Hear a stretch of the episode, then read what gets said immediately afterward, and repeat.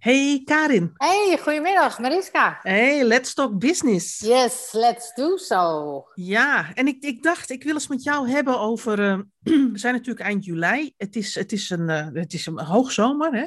Ja. Nederland is eh, in, in vakantierust, zal ik maar zeggen. Ja. En dit is eigenlijk bij, van oudsher een beetje het moment wat aan- geschikt is om te reflecteren in termen van. hoe doe ik het nou eigenlijk? En ben ik een beetje tevreden over hoe ik het doe?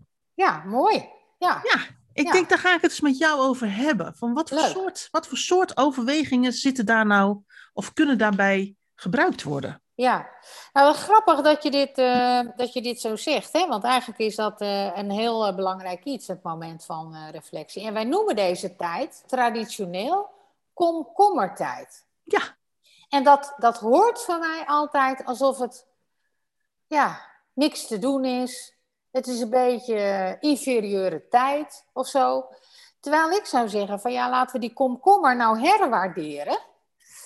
En een, eh, en een veel hogere plaats in aanzien geven. Herken jij dat ook? Of, of, of ervaar jij dat niet zo bij de eh, uitdrukking komkommertijd? ja, komkommertijd staat voor mij echt heel erg van... we zetten de televisie aan om nationaal te kijken. Ja, Maar even, we hadden het ook niet kunnen doen, want we missen niks. Want het wordt opgevuld met... eh, nou, de tijd wordt volgekletst, zou ja, zeggen. ja. En het nieuws is ook een beetje, ja, wat zullen we zeggen? Komkommernieuws. Ja, men is een beetje op zoek naar de. Nou, wat is de grootste komkommer of de grootste zonnebloem of zo? eh, weet je dat? Ja. Maar ik vind het een mooi onderwerp, dus daar praat ik graag met je over. En het doet me denken aan een artikel wat ik eh, ja, een tijdje geleden alweer eh, weer las.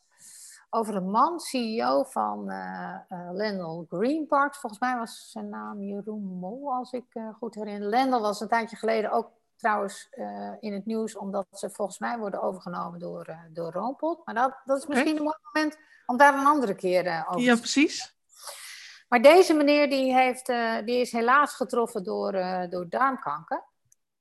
En dat was voor hem een moment om eens even te kijken naar, eh, ja, waar ben ik nou eigenlijk allemaal mee bezig? Want hij wilde heel graag zijn functie blijven uitoefenen. Maar hij constateerde dat ook na het verwijderen van, eh, van de gezwillen uit zijn darmen. En hij had gelukkig geen uitzaaiing of zo, maar dat hij enorm moe bleef. Dus het is Ja. wel een beetje ontstaan vanuit, en, en, en, hè, en ik hoef jou niet te vertellen dat de meeste verandering eh, daaruit ontstaat, vanuit een echte sense of urgency. Ja. Hij wilde directeur blijven, maar kon dat op de manier zoals hij zijn leven tot nu toe leidde in de rol van directeur niet. En O, ik ga- overigens denk ik een actueel onderwerp met, eh, met dat long covid. Ja, Waar we toch steeds meer signalen krijgen. Ook dat mensen eh, eh, misschien niet zo verschrikkelijk ziek zijn geweest. Of niet naar het ziekenhuis hebben gehoeven. ja. Maar wel voor langere perioden klachten van vermoeidheid en, en lage energie krijgen. Ja, ik ken daar de, in mijn directe omgeving ook een aantal voorbeelden van. Heel, heel erg naar. Ja. Nou ja, en deze man die constateerde eigenlijk daardoor, hè, doordat hij eh, gedwongen werd om te reflecteren op, op zijn werkzame bestaan, dat eigenlijk zijn, eh, zijn, zijn, eh, de manier waarop hij zijn werk invulde gewoon gedurende de dag er een was van afspraak naar afspraak.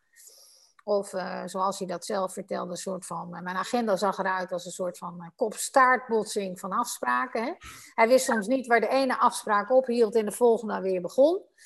Ja, net, zoals, net zoals dat ik wel eens zeg dat mijn agenda meer een soort zwart gat is waar alles in verdwijnt.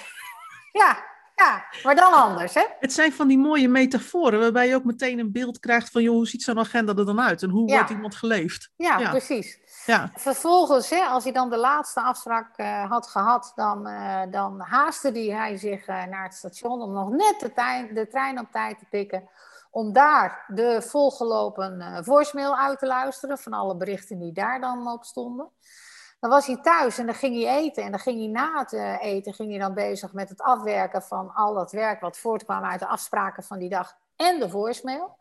En de En mailtjes was- ongetwijfeld. En de mailtjes. Hè? En, en eh, dan was hij eh, nou, om een uur of twaalf eh, volgens mij klaar om naar bed te gaan en de volgende dag weer in te gaan. Die er eigenlijk een beetje hetzelfde uitzag.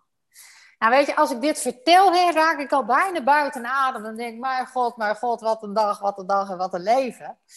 Hoewel ik eh, niet helemaal kan ontkennen dat ik in mijn, eh, eh, eh, in mijn werkzame verleden dit soort, dit soort, manier, op dit soort manieren ook wel heb gewerkt. en hij werd gedwongen door een heel naar iets, hè, wat hem eigenlijk ja, ook, ook zicht gaf op, ja, als ik, als ik dit werk wil blijven doen, dan moet ik echt, echt ingrijpen in hoe ik dit werk doe. En, en wat ik doe, en, maar met name ook de, de manier waarop ik het doe. En hij heeft een aantal ja, toch radicale besluiten genomen. Wat er volgens hem toe heeft geleid dat hij alleen maar beter is geworden in zijn werk. Waar ik wel iets, uh, iets bij kan denken. En wat voor soort besluiten? Heeft, wordt, vertelt het verhaal daar ook iets over? Ja, het verhaal vertelt, nou, hij, hij is uh, opgehouden om uh, lange e-mails te ontvangen. Uh, en dan kun je zeggen, ja, opgehouden, als iemand een lange e-mail wil sturen, dan doet hij dat toch. Ja, dat klopt, maar uh, of je er antwoord op krijgt, is een tweede. Dus volgens mij is ze begonnen om iedereen te informeren dat hij alleen nog maar hele korte e-mails wil. Van hooguit een paragraafje en that's it. En dan krijg je antwoord en anders niet. Dus dat, dat, dat dwingt uh, de betrokkenen, hè, op het moment dat je een antwoord wil, wel om je verhaal heel puntig op te schrijven. Ja. zodat hij minder werk heeft. Direct naar de kern. Direct naar de kern. Tweede is dat hij naar zijn agenda is gaan kijken en daar gewoon lege blokken in is gaan plannen. En niet dat die, uh, dat die blokken dan uh, zeg maar zinloos uh, werden. Of dat hij daarin niks deed. Maar hij had de, de mogelijkheid om eens een keer mijmerend uit het raam te kijken. Of eens even iets te lezen wat hij wat wilde lezen. Of een ommetje te maken. Maar soms ook een afspraak waarvan hij dacht van ja, daar wil ik gewoon even wat extra tijd aan besteden. Wat langer te laten duren. Hè? Al naar gelang keuze. Ja. Maar het hoefde niet. Hè? Dus dat gejaagde gevoel, dat, dat, uh, dat kwam eraf. Ja, en waar hij ook mee opgehouden is, is om alle vergaderingen uh, bij te wonen. Waarvan hij voorheen werd geacht om die bij te wonen. Uh, ja, en hij zei dat dat levert van alles op. Want als de baas binnenkomt, dan verandert de, dynamiek. Nou, daar weten we van alles van. Dus dat, dat geeft ook meer verantwoordelijkheid en betrokkenheid bij de, bij de betrokkenen. Ja. En ik moet je zeggen dat als ik dit verhaal zo las, nou, dan werd het ook hoog tijd dat deze meneer wat aan zijn agenda deed. En de manier waarop hij de organisatie aanstuurde. Want als je bedrijfskundig naar dit verhaal kijkt, dan denk ik van nou, hier was ook wel veel ruimte voor verbetering. Ja. En niet alleen, niet alleen zeg maar vanuit uh, persoonlijke noodzaak, maar ook om de organisatie gewoon beter te laten functioneren. Ja. Als jij overal maar bij bent als directeur, waarin je in wordt gepland, hè, omdat dat gewoon zo is ontstaan, of, of kennelijk omdat je dat vanaf het begin aan wilde, nou dan, dan, dan maak je de organisatie lui. Hè? Dus de, de treedt een soort van reactiviteit op bij de mensen die eigenlijk uh, op niveau besluiten moeten kunnen nemen en over zaken moeten kunnen beslissen. Uh, want net als wat hij zegt, van ja, als de baas binnenkomt, dan uh, ontstaat er een andere dynamiek. En bovendien is denk ik te weinig gekeken naar, ja, waar dient dit, deze vergadering nou toe? En past dat bij mijn rol als directeur? Ja. He, want je, je, ja, je bent volgens mij niet uh, bezig om de organisatie zodanig in te richten dat je kijkt van uh, wat moet nu op welk niveau besloten worden. Hoe lopen coördinatiemechanismen hè, en welke informatie moet uh, van daaruit naar een hoger, een hoger niveau. Ja, de, de, dingen die je beschrijft doen me een beetje denken aan wat wij natuurlijk elke maandag op de, op de campus doen met de Powerboost. Ja. Ja, dat zijn ook van die, van die, van die korte bedrijfskundige inzichten ja. die je kunnen helpen om, uh, nou ja, niet zozeer bedrijfskundig of strategisch de organisatie beter te, te bedienen, maar wel vanuit een bedrijfskundig oogpunt te kijken naar hoe werk ik nou zelf. Ja, precies. Ja, deze zomer uh, werk ik bijvoorbeeld aan een hele serie over, uh, over hoe werk je nou met lijstjes. Ja. De, de, de befaamde to-do-list. Ja. Nou, dat zijn, dat zijn ook van die dingen die ontzettend kunnen ontploffen, zal ik maar zeggen. Ja, zeker. Ik heb, ik heb wel eens mensen meegemaakt die hebben dan zo'n uh, zo'n mooi uh, langwerpig uh, boek met, zo'n met van die blauwe pagina's erin. Waar je dan op de ene kant je to-do in mooie vakjes kunt schrijven, op de andere kant aantekeningen kunt maken. Ja. En die dan gewoon van vergadering naar vergadering lopen met twee van die boeken onder hun arm. Ja. Want het, uh, ja, de, de to-do-list uit, de, uit het ene boekje zijn nog niet afgehandeld. En in de tussentijd uh, zeg maar, stroomt het volgende boekje alweer vol. Ja, klopt. ik denk altijd, dat kan niet effectief zijn. Nee. Dat is dan- ook zo. En dan praat je daar met mensen over. Zeggen ze, ja, maar dat geeft mij rust. nou, dat, dat, echt serieus. Dat kan niet waar zijn. Nou, volgens mij geeft het meer molenstenen die om Ja, hangen. dat bedoel ik. Ja. Al die apen die dan op je schouder zitten. En, en dat weegt en dat weegt en dat weegt. Ja, En dat eh, als het moment dat je twee van die to-do-boeken de Things to Do Today boeken nodig hebt, dan weet je Ja. in ieder geval zeker, het gebeurt vandaag niet meer. Nee.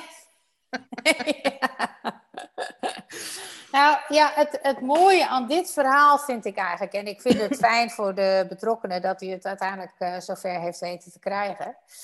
Maar eigenlijk is het ook jammer, want er zijn dus kennelijk jaren verloren gegaan waarin hij eh, de organisatie niet goed draaiend heeft weten te krijgen.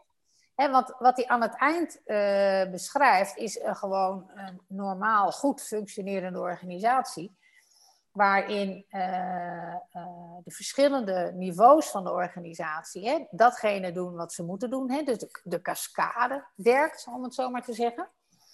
De lijnen van verantwoordelijkheid en betrokkenheid die lopen op een goede manier. Hè, dus de verantwoordelijkheid wordt daar genomen waar die ook hoort te liggen. En dat betekent niet dat de directeur de verantwoordelijkheid van de desbetreffende managers overneemt, hè, omdat hij daar ook weer bij gaat zitten en eigenlijk een deeltje van hun rol eh, doet. Uh, ja, en eigenlijk zou je zeggen van ja, je zou iedereen uh, gewoon zo goed draaiende organisatie gewoon toewensen voordat er iets ergs gebeurt. Ja, en het, en, het, en het gekke is dat op het moment dat je dat zo zegt, dan, dan hoor ik meteen allerlei stemmen in, in, in mijn hoofd van mensen die we in het verleden gesproken hebben, waar we uh, begeleidingen hebben gedaan, uh, studenten van ons die zeggen van ja, maar een organisatie die zo werkt, dat is een utopie. Ja. Dat, dat, dat wens je, maar dat is gewoon niet te bereiken. En dan denk je, ja, ideaalbeeld. het is een ideaalbeeld wat gewoon daar ergens zeg maar ver boven zweeft en, en je weet dat dat nooit haalbaar is. En dan denk je, ja, maar jij en ik weten dat dit dus ook gewoon echt kan, hè? Tuurlijk kan dit. Ja, Ja. natuurlijk kan dat. Ja. Ja. Ja, en dat is dus niet wachten totdat je een, eh, een, eh, een ernstige ziekte krijgt of dat je eh, door de omstandigheden gedwongen wordt. Maar gewoon proactief het voor zijn en zelf maatregelen nemen om te zorgen dat je, dat je de, de zaken goed geregeld hebt. Ja, en, en daar dus ook niet de kolen en de geit schapen. eh, eh, de, de kool en de geit sparen. Want daar zijn wij Nederlanders heel erg van. Hè? We zijn van de compromissen. Dat bekende polderen, dat, eh, ja, dat hebben wij hier in de polder uitgevonden, om het zo maar te zeggen. Ja, en het wordt toch ook hoog tijd dat we dat eens afschaffen. Ja, wat mij betreft wel, want het is eh gaaf voor middelmaat. En, eh, en mensen die eh, heel erg druk zijn met allerlei dingen waar ze helemaal niet druk mee, mee hoeven en zeker moeten zijn. En wat leidt tot een grotere ineffectiviteit. Het, soms heb ik wel het idee dat wij er pas toe doen op een moment dat we het zo druk zijn en, en ja, dat dat, dat, dat, dat dat ook een beetje cultuur wordt. Hè? Dat je, dat je, En ik ben het helemaal mee eens. ja, dat, dat dat ook een beetje gecultiveerd wordt. En op het moment dat, dat het niet meer zo spannend is en je eigenlijk terug wil, ja, dat dat dan niet meer kan. Omdat de organisatie dusdanig zich aan heeft gepast aan de verkeerde eh, zaken, dat het heel lastig is om die organisatie nog weer goed de lijn te krijgen. Ja, maar dat zit ook in als je mensen ontmoet. Hè. Stel, we- we gaan nu weer mensen ontmoeten. Althans, dat neem ik zo aan. Zo na de vakantie dan, denk ik dan maar. Eh, Ja. Je bent weer een keer op kantoor en je ontmoet mensen. Je zegt, joh, hoe gaat het ermee? En als iemand anders... Wat, wat we verwachten is dat de ander zegt, druk. En dan heb je nog de... Ik dacht dat je zou zeggen goed. Of Nee, nou, meestal op, in zakelijke omgevingen zeggen we, nou, hoe gaat het? Nou, Ja. druk. klopt. Hè, en als, je- als je dan nog een positief gestel, ingesteld iemand hebt, dan is het opeens lekker druk. Ja. Hè, dat is dan ook nog zo van, ja, het is druk, maar ik kan er tegen en ik kan dit aan en ik vind het ook nog lekker ook. Ja. En ik krijg altijd meteen de tegenneiging om te zeggen van, eh, nou ja, het gaat eigenlijk heel lekker. Ik heb niet zoveel te doen en eh, het is heel goed. Ja, fijn. Ja. maar hoe bedoel je? Ik heb niet zoveel te doen. Nou ja, ik heb mijn zaken goed georganiseerd, dus ik heb eigenlijk niet zoveel te doen. Ja, misschien moeten we dat gaan prediken. Dat is wel leuk. Nou, ik, hou wel van dit soort beetje provocerende uitspraken, zoals je weet. triggeren. Ja, ja. En ik, en ik denk ook, en dat is natuurlijk ook wat we met de, bouw, met de Power Boost elke maandag op de, op de campus eh, doen. uh, is toch mensen elke keer weer inspireren en uitleggen dat, met, dat op het moment dat je veranderingen wilt teweegbrengen in de organisatie, kun je dat op twee manieren doen. Je kunt het structureel doen door in de organisatie echt een discussie te voeren over wat is onze strategie, wat zijn onze lange termijn doelen, wat is onze missie, onze visie, onze strategische positionering en wat zijn dus de dingen die belangrijk zijn. Ja. En de andere manier om dit soort veranderingen te realiseren is toch gewoon zelf te beginnen. Ja. Als jij niet meer gestrest naar vergaderingen gaat en zegt van op het moment dat iemand begint voor te lezen uit eigen werk, van joh, maar luisteren, ik heb het stuk gelezen. Vertel even de essentie en waar moeten we het over hebben? Dan, dan merk je, denk ik, al heel snel, tenminste dat is mijn ervaring, hè, dat je dan heel snel merkt bij anderen zo van, oké, wacht even, ik moet het dus van tevoren lezen en ik moet mijn verhaal anders insteken. En dat je eigenlijk binnen de kortste keren zo'n, de, de, de, de routine in zo'n vergadering en de sfeer in zo'n vergadering gedraaid hebt naar iets wat lang duurt en energie vreet, naar iets waar waar, wat ertoe doet en waar we met elkaar ook echt tot zaken kunnen komen. Ja, het is wel van belang dat als je het op die manier doet, dat je zelf de voorzittersrol hebt. Want anders wordt het wel lastig als je een van de spelers uh, bent van de vergadering. En de voorzitter de andere opvatting over, ophoud, over uh, aanhoudt. Ja. ja, aan de andere kant roep ik altijd maar als je zo'n eigenheimer bent zoals ik, maakt het niet uit welke formele rol je binnen de vergadering hebt. Want dan kun je dat soort opmerkingen altijd wel maken. En ik denk dat mensen zich soms ook wel te vaak laten leiden door de rol of de positie die ze hebben in zo'n vergadering. Ja, daar ben ik wel met je eens. Hoor. Maar de, een voorzitter heeft toch wel een hele dominante rol. Hoewel je dat uh, op een wat luchtige manier natuurlijk wel uh, te sprake kan brengen. Ik kan mij herinneren dat wij uh, binnen de MT's of de directievergaderingen die wij hadden, altijd zo'n stapel, nou ik denk wel vijf centimeter hoog, ter informatie of ter lezing. En die stonden dan op agenda. En ik had dan een collega en die, die vouwde alleen de kantje. Dat was meestal aan elkaar geniet, hè, met zo'n nietje. Maar die vouwde dan alleen zo de kantjes om. Uh, en dan zag het er in, uh, in, het, in, het, in de map, hè, met alle vergaderstukken, zag het er zeer verfromfraaid uit. Ten teken dat zij het gelezen had. Maar die las nooit wat. Kijk, zo kun je er ook mee omgaan. Ik ben weer van de weg om te zeggen van ja, weet je, die ter lezing uh, stukken, en moeten we die echt allemaal op de vergadering hebben. Hè? We, ja, iedereen lezen. We zouden ook kunnen zeggen van nou, als een van ons vindt dat daar iets uh, over besproken moet worden, laat die dat dan agenderen, maar niet die vijf centimeter stukken die we elke week uh, maar moeten lezen. Hè? Nee, ik, ik en. Dan. En daar wilde ik er ook nog wel eens aan toevoegen. Ja, met name Britta heeft daar veel werk van elke week.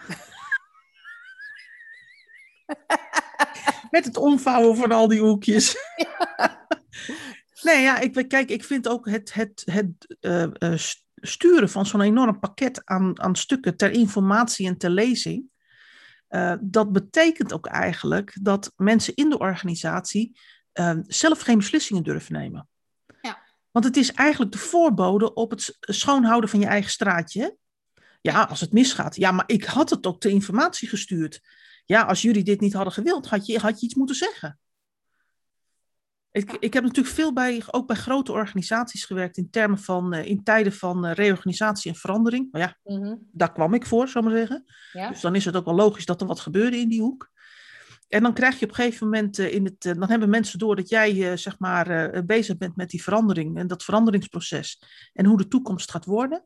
En dan krijg je eigenlijk van de een op de andere week krijg je zo'n diarree aan CC-berichten in je Oh mail. Ook zo vreselijk. Ja. Nou, het eerste wat ik dan altijd regel is een aparte mailbox voor je CC.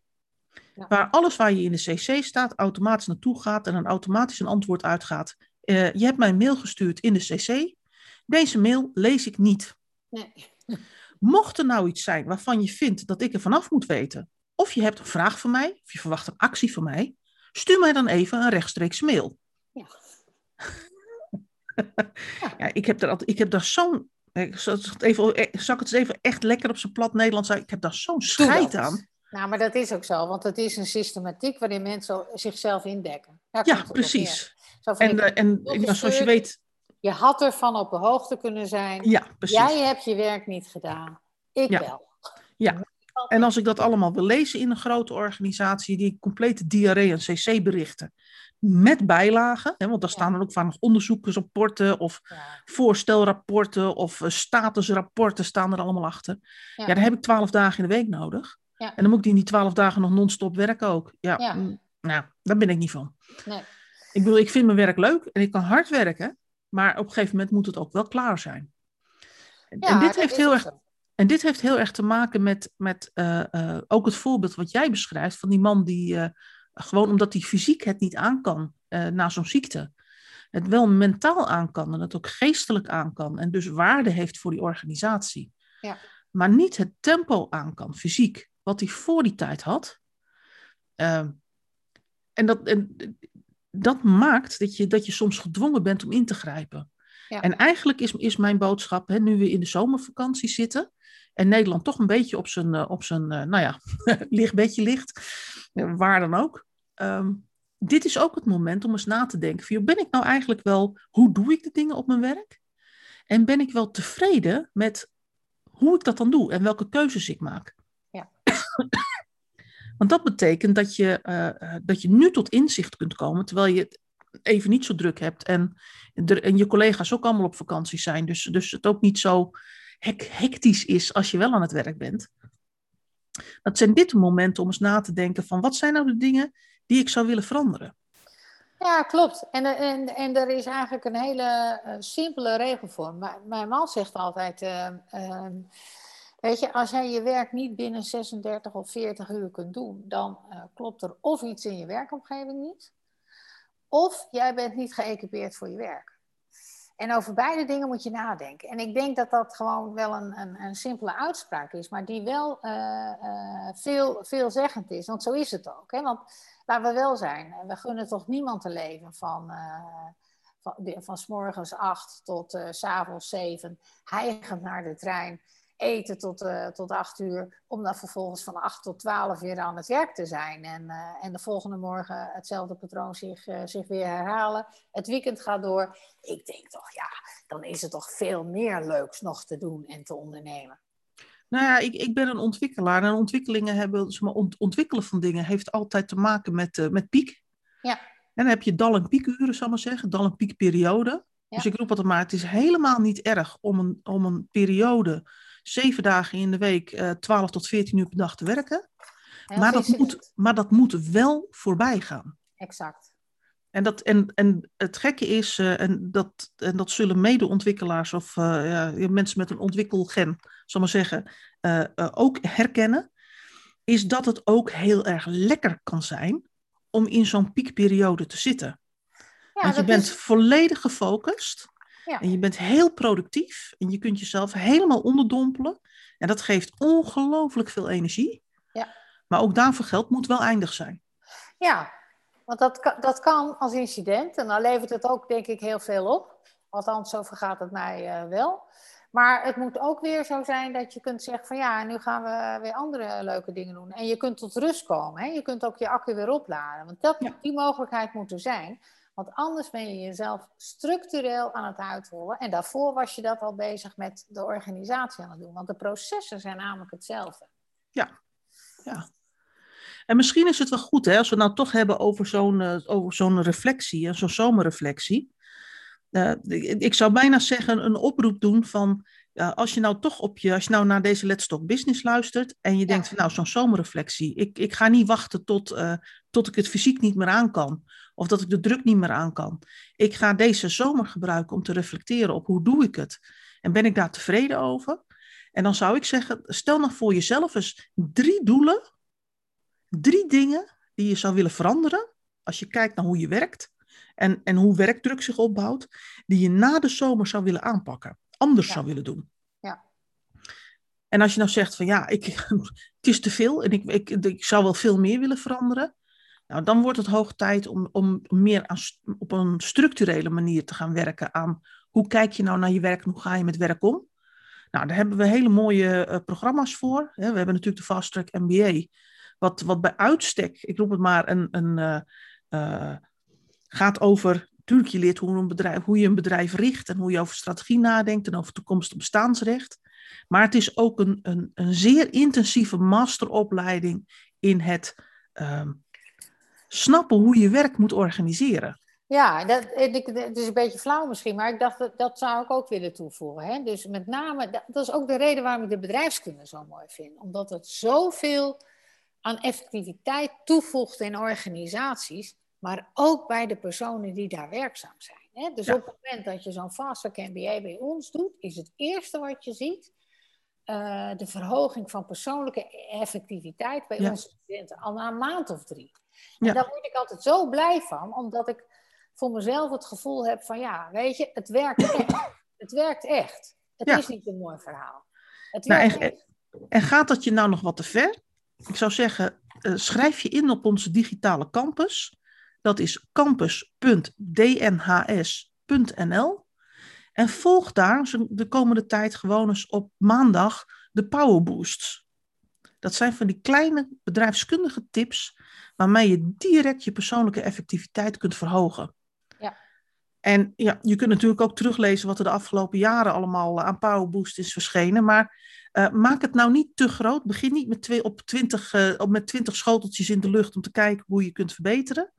Begin nou eens gewoon met één, twee of drie dingen Zorg dat je die laat landen in je werk.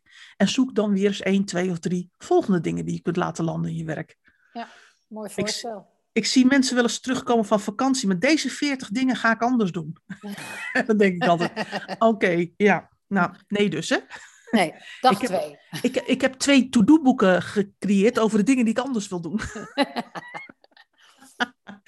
ja, voor je het weet ben je gewoon eh, echt gewoon nada opgeschoten. Alleen een frustratie rijker. Ja, maar die mensen zijn wel bezig met verandering. Nee. Nee, die mensen, zijn, die, die, mensen zijn bezig met het nadenken over verandering. Nou ja, oké. Jij, jij maakt het dan wat precies.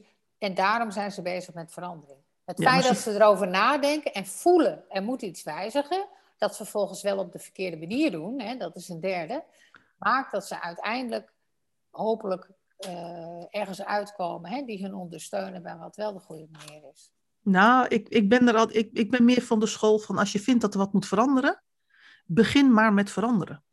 Ja. En wat je dan allemaal, wat je allemaal wil veranderen, het volledige overzicht wat er allemaal anders moet, dat volgt wel. Maar begin. Ja, maar zo zit jij met alles in elkaar. Oké, moet ik hierop reflecteren deze zomer? Nee, doe maar niet. Doe maar niet. Nee.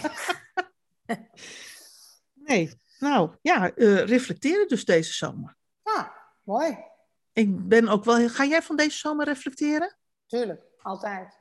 Dan ben ik wel heel benieuwd wat er uit jouw reflectie komt. Ja, nou ja, laten we daar na de zomer over praten. Ja, lijkt me goed. Ja. laten we dat doen. Hebben we in ieder geval weer Let's Talk Business. Ja, maar ja, dat is bij ons nooit een probleem, toch? We kunnen altijd wel over allerlei hoeken van de business praten. Ja, zo is het ook. Nee, maar dat is een, dat is een afspraak. We gaan na de zomers hebben over wat er uit onze reflecties is gekomen. Lijkt me heel goed. Zo is het. Nou, voor nu uh, denk ik uh, op naar de volgende Let's Talk Business, hè? maar dan wat op kortere termijn. En in tussentijd reflecteer ze. Zo is het, jij ook. Hey, doei doei.